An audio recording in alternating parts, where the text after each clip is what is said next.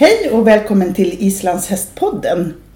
Eh, idag är jag i Västerås hos Birte Vogelius på Levad. Hej och välkommen Birte. Tack så mycket. Jätteroligt. Jätteroligt säger jag att du har kommit hit Ja. och visar sånt intresse för det här med ryttaranalys. Ja, för det är ju det vi ska prata om. Eh, Jag har ju fått gjort en ryttaranalys nu och det är ju otroligt intressant tycker jag. Eh, Och det ska du få berätta om, vad du gör och ja, vad det mynnar ut i och sådär. Men innan vi börjar med det, eh, berätta, vem är Birte för den som inte känner dig? Eh, jag är sjukgymnast, har jobbat i över 30 år. Eh, har jobbat i 20 år med ryttare och eh, det har utmynnat i att jag nu förra året fick möjlighet att skanna alla dressyrlandslag från ponnylandslag till seniorlandslag för att se vad de kunde göra för att förbättra sin teknik och eh, förbättra även hållfastheten på hästen. Eh, Och, eh, så det skedde under 2017. Mm. Och innan dess så har jag skrivit en bok som heter Spänst och harmoni i ryttarens sits. Precis. Och även en engelsk översättning har precis kommit ut nu Mm. som heter Passion, Performance, Perfection Guidelines to Dressage Riders. Mm. Så det ska bli jättespännande att se hur den kommer mottas i Ja. övriga ja, engelsktalande Ja. delen av världen. Eh, och sen finns det även en DVD med, sam, med samma namn. Mm. Så det, det har varit några sådana här olika grejer jag har gjort men parallellt med det här så det jag gör det är att jag jobbar med patienter Mm. huvudsakligen. Och sen har jag då väldigt mycket ryttare som kommer som är skadade och sen ryttare som kommer för att optimera sin sits.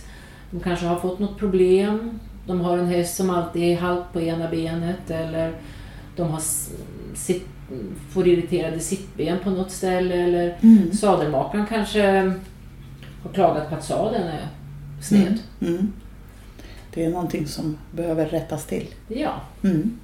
Får jag bara fråga, eh, du nu berättade om det här att ni skannade, eller att du skannade eh, dressyrlandslagen där. Eh, var det någon tillfällighet att det blev dressyr och inte hoppning eller något annat? Eh, där, det var jag? så att eh, ordförande i dressyrkommittén, Lilian Jansson, hon har jobbat med golfare tidigare. Mm. Och golfen har ju blivit väldigt, där har vi verkligen, golfen har ju lyfts väldigt mycket i Sverige på senare år. Mm. Och det beror på att man har gått in och tittat, gjort fystester på Mm. golfarna väldigt noggranna och följer upp det. Och då sa hon, det här måste vi ta till ridsporten. Mm. Och eh, då promotade hon mig i samband med att också Saab blandade sig in i det här med att bli mer synliggjorda inom Ja, ridsporten. Ja, Och då sponsrade de ja, ridsporten med den här aktiviteten. Mm. Ja, kul. Vad är det för någonting man analyserar i en ryttaranalys? Ryttare naturligtvis, men Mm. berätta Ja, lite. det jag tittar på det är ju hur ryttaren landar i sadeln eller på den här sadelbocken som är helt symmetrisk. Mm. Eh, På den här sadelbocken där man har lagt en elektronisk eh, matta på så kan jag dels se hur man fördelar sin vikt mellan höger och vänster sida samt var man har tryckytorna någonstans. Mm. Man vill ju ha ett tryck jämnt fördelat över eh, sittbenen Mm.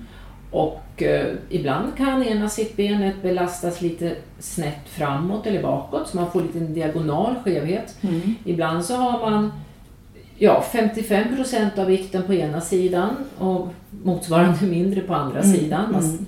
Så man belastar hästen ganska snett. Mm. Ibland kan man ha punkttryck som är väldigt varierande. Mm. Och eh, många gånger så känner ju ryttaren att det är någonting som är lite galet. Eh, och då kan jag visualisera det med den här tryckmätningen. Mm. Och, men eh, det jag gör sen, det som är själva grejen med det här, det är ju att jag kan rakrikta ryttaren. Ja.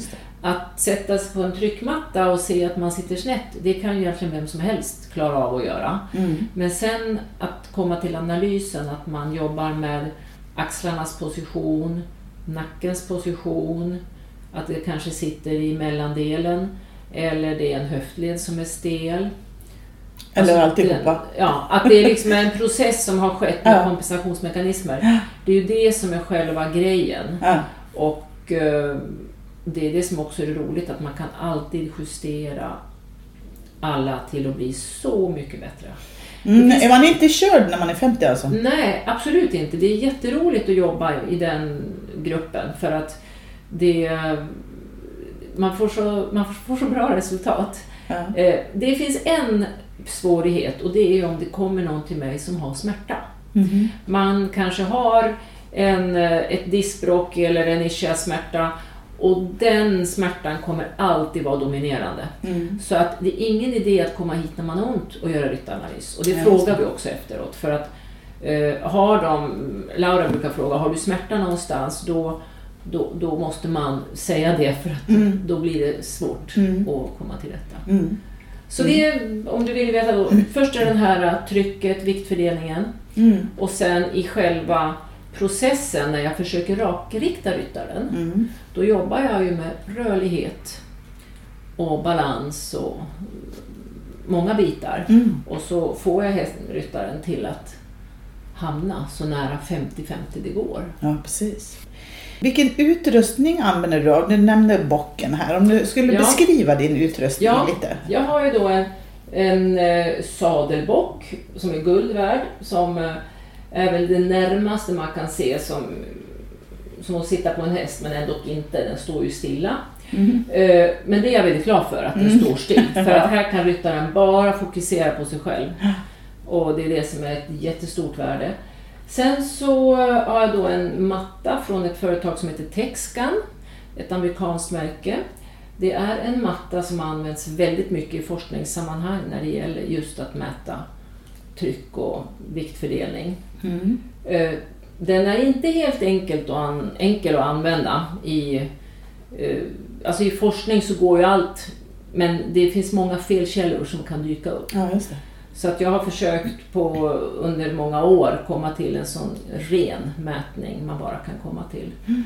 Och sen, eh, det är den här tryckmattan som man sitter på, men sen så när man går vidare och tittar till exempel på hur ryttaren hanterar sin fot, då har vi elektroniska fotsulor. Mm. Och då kan vi se var trycket ligger i foten, på framfoten, vilka tår som belastas mest Mm. och hur tyngdpunkten, hur den förflyttar sig när ryttaren till exempel rider lätt. Mm.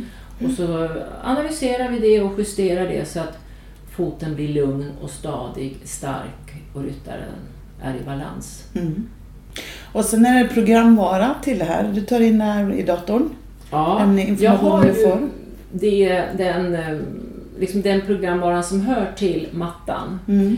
Men min, min eh, styrka det är ju liksom att jag kan göra någonting och utvärdera det när ryttaren sätter sig igen och Mm. vi tittar på hur det har förändrats. Ja. Och, eh, så jag har liksom plockat ut det som jag behöver ha Mm. ur, ur det här programmet. Mm. Och eh, elektroniska fotsulor det är någonting man använder inom golfen och på många, inom många idrotter. Okej. Mm. Och eh, jag tror väldigt mycket på det här inom framtiden när det gäller ridningen. Eh, men man måste veta vad man ska göra. Det räcker inte med att säga att här är något som är fel. Nej. Utan man måste... Och, och det är där jag har min... Min styrka är ju att jag har en vidareutbildning i ortopedisk manuell terapi från Norge. Det är Mm. det som har gjort att jag kan djuploda i det här. Och den är liksom knuten mot häst? Nej, den ryttare, är på, eller- mot eller- människa. Mot människa? Ja. Mm. Och sen så har jag helt enkelt bara... eh, Har man en god, god utbildning i anatomi på, om vi säger på en nivå där du kan du läser om EMG-studier, hur, vilka muskler som aktiveras då och då och då. Då går det att analysera, men jag kan väl säga att det har tagit mig 20 år att komma hit. Mm. Har du hållit på så länge, eller hur länge har du hållit på med Så själva har jag ryttaranalyserna? hållit på, ja. Du har gjort det? Ja. Så 1998 då skrev jag min första artikel i Ridsport. Mm. Ryttarens sits, en outnyttjad potential, Mhm. hette den Ja. artikeln. Ja. Och det är ganska roligt att nu är vi 2018. ja. Allt tar och sin jag- lilla tid. Ja, allting tar sin tid. Ja. Ja, jättehäftigt. Varför tycker du att man ska göra en ryttaranalys? Eh, det är ju ett bra sätt att få en brantare utvecklingskurva som ryttare. Mm. Att man städar bort brus i sin sits. Mm. Att man städar bort eh, ojämn belastning som gör att hästen inte kan röra sig i balans, hästen blir felaktigt belastad. Mm. Att man själv blir felaktigt belastad, även om det tar lång tid för ryttaren att känna av den där skevheten och få ont av det. Så eh, känslan när en ryttare sitter i balans, då blir allting vansinnigt mycket enklare. Mm. Det är först då som ryttaren får tillgång till sin kropp. Mm. Och då, det är då man liksom kan göra det man vill. Mm. Jag tänker så här att efter att man har gjort en ryttaranalys eh, och blivit, som jag tänker, som, som jag har blivit rakriktad av det Ja. här. Det, det Ja, blir ju just det. stor skillnad på min sits, eh, hur jag belastade och hur sittbenen låg, eh, ja, som jag kunde ha dem så att Ja. säga. Men om jag nu åker hem och fortsätter att rida. Jag har ju fått träningsprogram och sådär också så- och det kan vi komma till också så vi Mm. får berätta om det. Men jag tänker just det här att jag tänker, eh, bör man eh, gå igenom sin häst i samma veva, sin sadel i samma veva? Jag tänker, ibland kanske man blir sned av antingen sin häst Mm. eller av sin sadel om den Mm. skulle vara Mm. sned. Jag vet Mm. inte, hur Ja. tänker du runt det? Alltså det, det är, du har alldeles rätt i det att det har ju betydelse. Eh, och eh, många, eh, när, men när de har blivit rakriktade och de har hittat fotens placering, då kan de känna på sin häst, hmm, han placerar mig på höger sida. Mm. Men då har man blivit rakriktad och man har fått verktygen så att man själv kan justera upp sig. Mm. Och då är det ju naturligt att man känner att nej, nu har jag faktiskt, nu försöker jag hela tiden se till att placera mig på höger sida. Det kanske är dags att jag går till någon ekviterapeut eller Mm. någon sån Mm. annan hjälp med min häst. Mm. Och det blir många tittar ju på sin sadel Ja, och det. börjar analysera det. Jag tänker också det om man har ridit i den länge och, och Mm. varit sned själv Ja. länge. Så tänker jag att då kanske Ja. man har också format sadeln på det viset. Och, och där, här är det ju... Jag har väl inte den... Jag har ingen bra kunskap och jag kan väldigt begränsat om sadlar. Utan där måste man ju... Alltså sadelmakarna, de har ju också säkert spenderat 20 år för att lära sig Ja. om sina sadlar. Ja. Man får väl helt enkelt samarbeta. Ja, Så ja, det, det tror jag liksom är framtidens melodi. Ja. Men du, vad utmynnar en, en ridanalys i då? Ja, när du då har varit här och du har fått eh, några träningsövningar som är specifikt utprövade för dig för att du ska bibehålla din rakriktning. Eh, och du får lite teknikövningar, hur du, var du ska hålla armarna någonstans för att du ska vara optimalt avspänd, stark, doserad.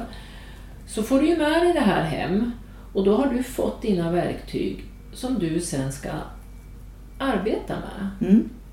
Och, och då ofta så kommer man på en första ryttaranalys med tryckmattan och sen så kanske man är hemma och jobbar i tre månader. Sen kommer man tillbaka och då jobbar vi med koordination, balans och i bassängen Mm. för att hitta sin balanslinje.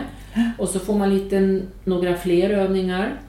Och sen kommer man en sista gång när vi tittar på fotsulan, Mm. fotens mekanik. Mm. Och då efter det, då ska man kunna klara sig hela sin ryttarkarriär med Mm. de här övningarna och bibehålla sin likriktning.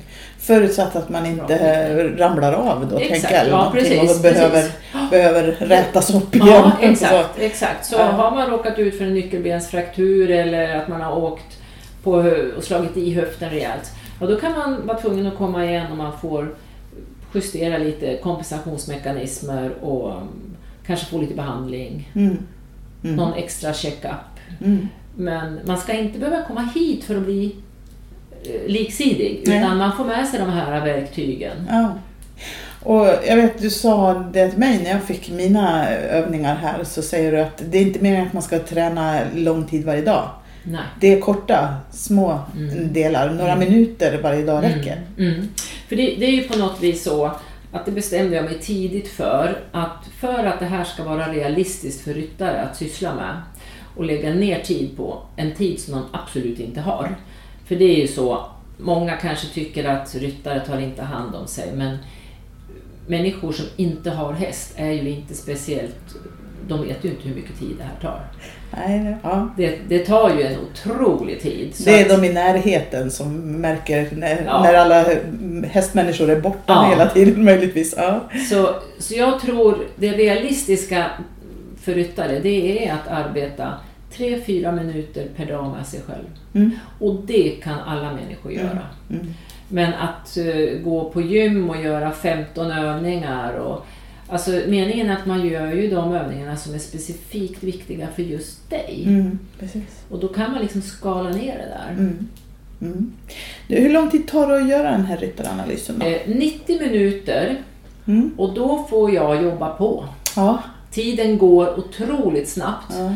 Och eh, blir det lite komplexiteter och sådär, ja då, då är det körigt med tiden. Ja, man- jag tror vi var svettiga både du och ja, jag. så att det går. Eh, jag, jag orkar med, jag orkar med max tre ryttaranalyser per dag. Mer orkar inte jag med. Nej. Mentalt så är det så pass, man är så pass liksom fokuserad och koncentrerad att det, det är vad jag klarar av. Ja. ja, precis. Vad är det vanligaste felet då, om man säger så, som du hittar? Är det nå- något som sticker ut mer än Ja, annat? om vi säger eh, axlarnas placering. Mm. Axlarnas placering och det har ju en sån stor effekt på tygeltagen. Mm. Eh, människor idag vet inte riktigt om hur eh, en god axel, när den är placerad på ett bra sätt, vilken effekt det har när vi gör en förhållning. Minsta kramning i tygen, att det har en väldigt stor effekt beroende på var axeln är placerad. Mm. Så axelns placering, det är ofta ett problem. Mm. En höftled som är lite stel på ena sidan. Höger höftled, oftast stelare. Mm. Och eh, jag är inte säker på att det har med ryttare att göra, att de blir stela i höftleden. Även om man alltid kliver upp ifrån en viss sida och kanske på så vis håller vänster höft lite mer i rörelse. Men om vi tittar på även en normal population Mm. så har vi en stelare höger höft. Precis. Eh, är det skillnad mellan män och kvinnor? Eh, kvinnor är ju generellt mycket mjukare i sin bindväv, de är mycket mer elastiska. Här måste vi fokusera mer på stabilitet, atletisk position som jag har skrivit om i min bok. Mm. Eh, och män, tyvärr, tyvärr, här har vi lite mer quick fix. Jaha, De ska bara hålla sig rörliga, okej. mjuka upp sin bröstrygg och töja sina höftleder, så det är lite orättvist. Ja. Men de har liksom mycket stabilitet Ja. gratis genom att de har en stramare, mera eh, oelastisk bindväv. ja, just det. Ja, så är det. Eh, kan du se om det skiljer sig något mellan olika discipliner? Jag tänker dressyr, island, hoppar, hoppning eller fältryttare eller vad det nu är för olika som kommer. Ja, alltså dressyrryttarnas problem det är ju fokuset, att de hamnar med ett fokus ner på hästen. Det är ju Mm, liksom ett stort med fokus. blicken liksom. Ja. Ja. Och eh, det blir en väldig stelhet i bröstryggen av väldigt mycket kompression. Och så. Ja. Och jag tror att eh, man, här måste vi kanske börja tänka mycket mera, alltså vi måste tänka mera lättsits, man, man måste rida mera lätt när man, när man eh, generellt sett liksom under en arbetsdag. Ja. Och man måste mjuka upp sin bröstrygg så man håller den mjuk och rörlig. Att den måste må bra hela ens yrkesverksamma tid om man är proffsryttare. Mm. Om vi tar till exempel hoppning så ser vi där har vi problem med handställningen, korta bröstmuskler, Mm. eh, spändhet runt eh, höfterna, insida lår. Mm.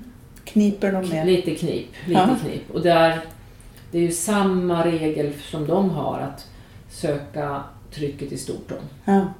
för att vara i balans i alla omhoppningssvängar Ja. och parera acceleration, retardation. Mm. När hästen accelererar mot hindret, att liksom hitta var har jag foten, var har jag trycket någonstans, Mm. så man kan parera det där hela Mm. tiden. Mm. Islandsryttarna, de tycker jag har varit väldigt noggranna. Alltså de kom, de kom tidigt och var väldigt, vad ska man säga, ja det här är viktigt att jag sitter rätt. Mm. För annars går inte min häst i alla de här gångarterna som jag vill. Så Nej. det var ganska lätt att bara eh, att introducera det här Ja, ja. tänket. ja, det kan jag tänka Ja. mig. Det är väl de jag liksom kan relatera till så Ja. här. Kan man förebygga? Ja. Eh, Om man nu tar till exempel axlar då. Ja. Oh ja. Oh, ja. Mm. Det, ehm, alltså det som jag använder som behandlande och som eh, korrigerande övningar, det är ju lika mycket förebyggande övningar. Mm. Som att man ligger till exempel på den här rakriktningsrullen och töjer nyckelbenslederna och bröstmusklerna. Mm. Och hur man töjer höftböjaren. Och en rakriktningsrulle ska vi säga, det är en, det är en rätt så stor tjock rulle inom plastaktig. Ja, precis. En, en lite hårdare skumgummirulle som kanske Ja. har en, har en eh, 15-17 centimeter i diameter Ja, som man ligger på och som ska gå ifrån huvudet Mm. hela vägen ner till, Mm. till ända ner till liksom svansen till bäckenet. Ja, så att precis. hela ryggen, hela bäckenet ligger understött. Mm. Och, eh, och jag tänker väl så här att vi är så otroligt noggranna med våra hästar, hur en öppna, hur, hur en längning, hur en upptagning ska se ut. Och när vi gör våra rörelser, det är klart att lika noggranna ska vi vara med oss själva då. Mm. Det går inte att göra en sån här eh, ja, slarvigt utförd töj, töjningsrörelse. Nej, man ska verkligen göra en riktigt bra töjningsrörelse som verkligen går på den muskeln som vi behöver ha. Mm. Lång och vid god vigör Mm. i ridning, som till exempel höftböjaren. Mm. Och då, då finns det ju jätte, en jättebra töjningsövning för just korta höftböjaren som Ja, jag precis. tycker att alla ryttare skulle liksom ha som en rutin Ja. som ryttare.